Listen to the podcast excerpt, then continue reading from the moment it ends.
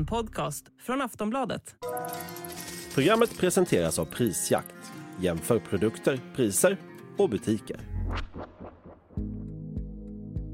Nu är det höst igen. De flesta är tillbaka på jobbet och skolorna är i full gång.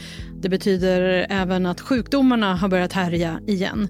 Och det vi återigen behöver tänka på är att covid-19 fortfarande finns ibland oss. Back now with rising concerns about COVID as we move into the fall.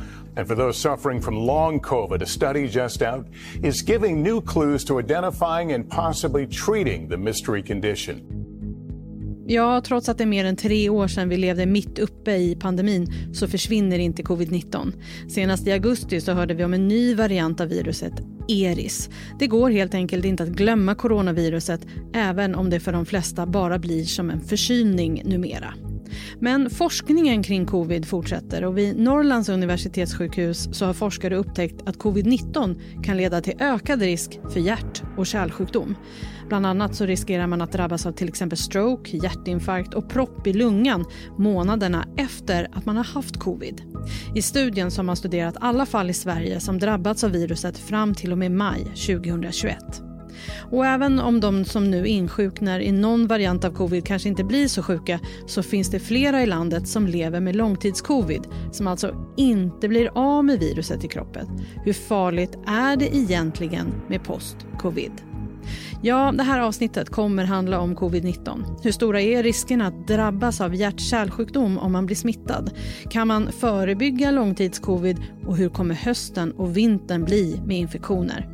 Välkommen till Aftonbladet Daily. Jag heter Jenny Ågren. Och jag ringer upp Niklas Arnberg. Han är professor i virologi vid Umeå universitet och generalsekreterare i virus och pandemifonden. Niklas, hur ser covidläget ut just nu? Det är ganska lite smittspridning runt om i landet eh, utifrån hur man ser på innehållet i avloppsvatten till exempel eller hur mycket som regionerna registrerar. Så det är ganska låga nivåer, men man ser också en viss tilltagande smittspridning i norra delen av Sverige. En ny studie som gjorts vid eh, Umeå universitet visar att covid-19 kan leda till ökad risk för hjärt och kärlsjukdom.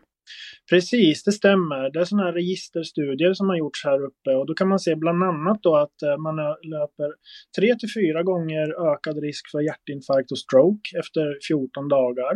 Och så mycket som 33 gångers ökad risk för blodproppar i lungorna inom en månad efter det att man har blivit diagnostiserad med covid. Och hur upptäcktes det här? Ja, det här har man börjat titta på lite grann eftersom man har sett under pandemin här att covid kan orsaka hjärt och kärlpåverkan. Så då ville man få mera data på det här och se hur mycket risken ökar för, för olika hjärt och kärlsjukdomar. Och varför tror man att de här grejerna hör ihop? Ja, det är just det man har sett tidigt under pandemin här också, att många som drabbades av covid, de hade problem med blodproppar i, i kärlen. Och hur länge finns då de här riskerna eh, om man drabbats av covid, hur länge kan det här hänga kvar då?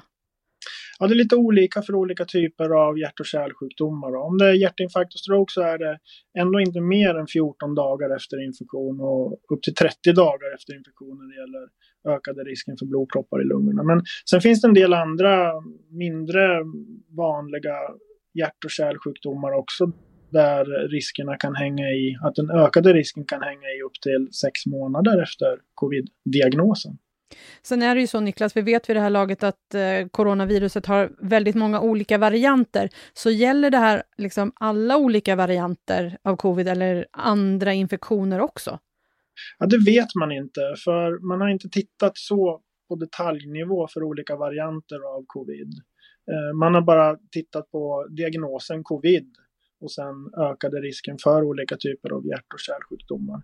Men generellt så kan man ändå säga så här och tänka så här att eh, virus tjänar ju ingenting på att vara superfarligt utan det tjänar på att vara smittsamt. Så nästan alltid när vi drabbas av en ny pandemi så går det hela från att ha varit ett farligt pandemiskt virus till att bli ett snällare så kallat säsongsvirus. Och det tänker vi att vi kommer se även för sars-coronavirus 2 och covid-19.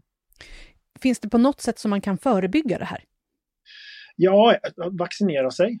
Eh, det är eh, kanske det allra bästa sättet. Så har man inte vaccinerat sig så kan man göra det och därmed också minska risken för att drabbas av sådana här efterinfektionssjukdomar. Har man sett i den här studien till exempel om, om man drabbas av de här grejerna, är det liksom hög risk för att man dör? Ja, så är det ju. Eh, det följer ju med att de här sjukdomarna är så farliga. Hjärt och kärlsjukdomar såsom eh, hjärtinfarkt och stroke och sen blodproppar i lungorna, det är allvarliga sjukdomar. Det krävs eh, ofta rejält med sjukhusvård i samband med de här sjukdomarna och ibland så klarar man inte av att rädda livet på människor. Så det finns absolut en ökad risk för död också i samband med covid. Vi ska snart prata mer med Niklas Arnberg om riskerna med långtidscovid. Vi tar en kort paus.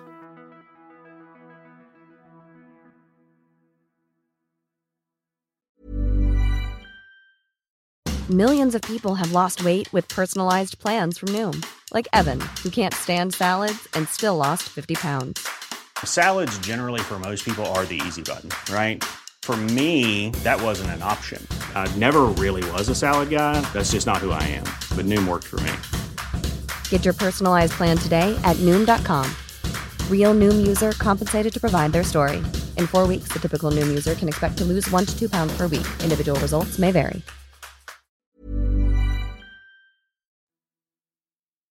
Niklas, tyvärr vet vi också att flera fortfarande lider av eh, långtidscovid.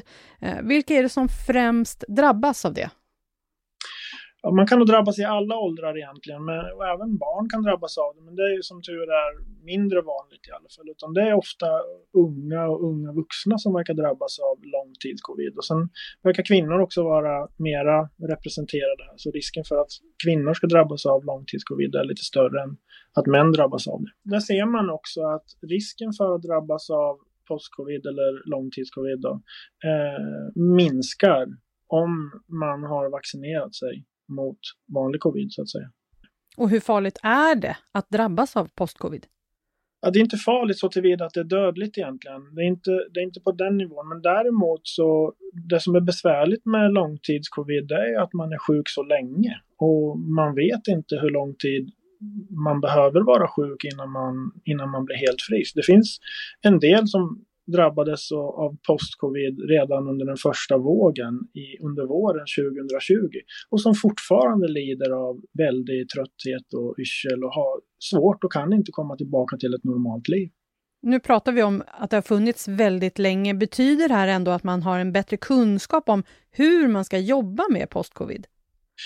Ja, man vet att eh, de som drabbas av post-covid har lägre kortisolnivåer, vilket man vet också är kopplat till trötthet.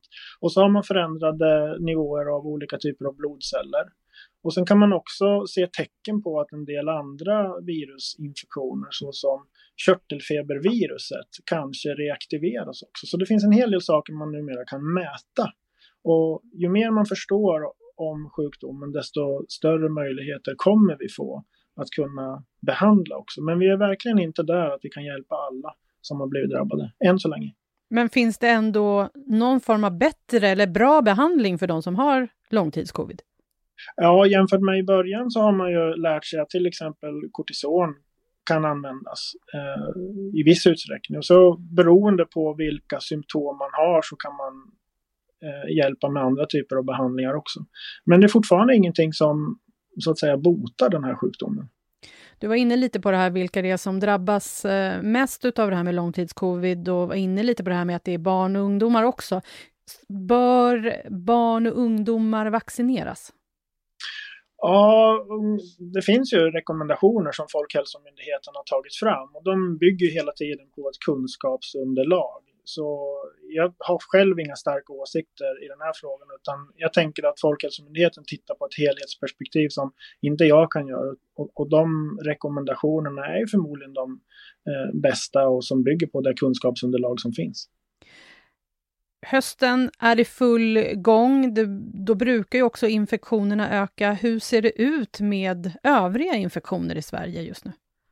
Ja, det är intressant och det är faktiskt lite annorlunda än hur det har varit de sista två åren. Eh, för vi vet ju här att under eh, första pandemivintern 20-21 då hade vi restriktioner och nedstängningar i stora delar av världen. Då tryckte vi undan många av de här virusen som normalt cirkulerar på vintrarna, såsom RS-virus och influensavirus. Och sen när samhället öppnade upp igen, då kom de här virusen tillbaka i ännu större omfattning. Mycket beroende förmodligen på att vi hade tappat lite av vårt immunförsvar mot dem.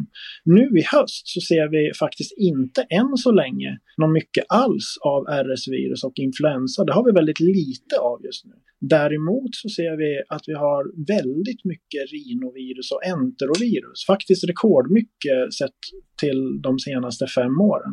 Så är man förkyld just nu, har luftvägsinfektioner, eh, feber och är trött och hängig så är det med stor sannolikhet så kallade rinovirus eller enterovirus. Jag ville fråga precis, vad är det på ren svenska? Det är alltså någon vanlig form av förkylning alltså?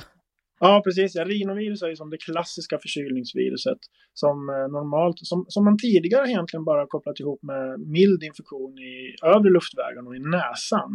Men nu vet man också att både rinovirus och enterovirus, de kan ge sig på lungorna och krypa längre ner i luftvägarna och, luftvägarna och göra att man blir allvarligt sjuk där faktiskt. Och enterovirus kan också vara farligt för människor som har nedsatt immunförsvar och då orsaka rejäl nervpåverkan, kan orsaka hjärninflammation eller hjärnhinneinflammation till exempel. Så det, det kan bli tuffare med, med enterovirus, om man har otur. Så Niklas, hur ska vi tänka nu med vaccinationer eh, inför höst och vinter? Ja, jag tänker att eh, man kan gå in på Folkhälsomyndighetens hemsida och se vad som gäller för sin egen åldersgrupp och beroende på hur många vaccin, vaccindoser man har tagit mot covid till exempel. Har man möjlighet att ta en ytterligare dos så är det inte alls fel att göra det. Och kan man till exempel kombinera med eh, att man tar sin influensaspruta också. Men det är lite olika som gäller för olika åldersgrupper och beroende på om man är i riskgrupp till exempel. Men på Folkhälsomyndighetens hemsida finns det tydliga och bra rekommendationer. Vi vet ju att vi blir väl aldrig riktigt av med coronaviruset, men hur många gånger kan man egentligen få covid? Ja, det, förmodligen så är det så här att man kan vara mottaglig för covid eh, många gånger i, under hela sitt liv. Det är lite grann som med vanliga rinovirus eller RS-virus. Influensavirus till exempel kan man ju få nästan varje vinter om man har riktig otur. Ofta så brukar man få det kanske med några års mellanrum. Och så kan det nog vara med eh, covid också.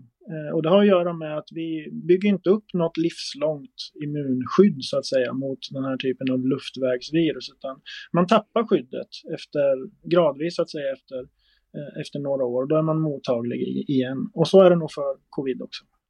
Så hur tror du att hösten och vintern kommer att bli? Ja, förhoppningsvis så blir det inte så här som det var förra vintern när vi hade toppar av influensa och RS-virus och covid samtidigt. För då var det väldigt tufft för sjukvården. Förhoppningsvis så kan man ehm, så kan det bli så här att vi inte får lika mycket influensa och RS-virus i, i, år eftersom vi har haft så mycket av dem under de senaste ett, två åren det kan nog bli så ändå att det blir andra virus som kommer att ta den här platsen så att säga. Så som rinovirus och enterovirus som, som vi nämnde nyss. Eller några andra virus. Men förhoppningsvis så blir det i alla fall inte värre än vad det var förra året. Tack för idag Niklas. Tack. Sist här Niklas Arnberg, professor i virologi vid Umeå universitet och generalsekreterare i virus och pandemifonden. Jag heter Jenny Ågren och du har lyssnat på Aftonbladet Daily. Vi hörs snart igen. Hej då!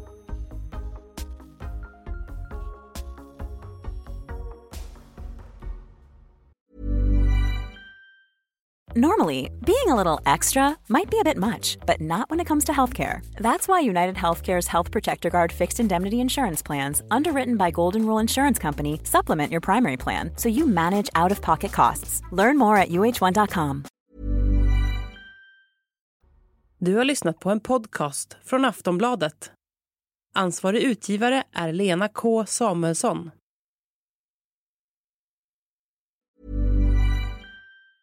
Tired of ads barging into your favorite news podcasts? Good news. Ad-free listening is available on Amazon Music for all the music plus top podcasts included with your Prime membership. Stay up to date on everything newsworthy by downloading the Amazon Music app for free or go to amazon.com slash news ad free. That's amazon.com slash news ad free to catch up on the latest episodes without the ads.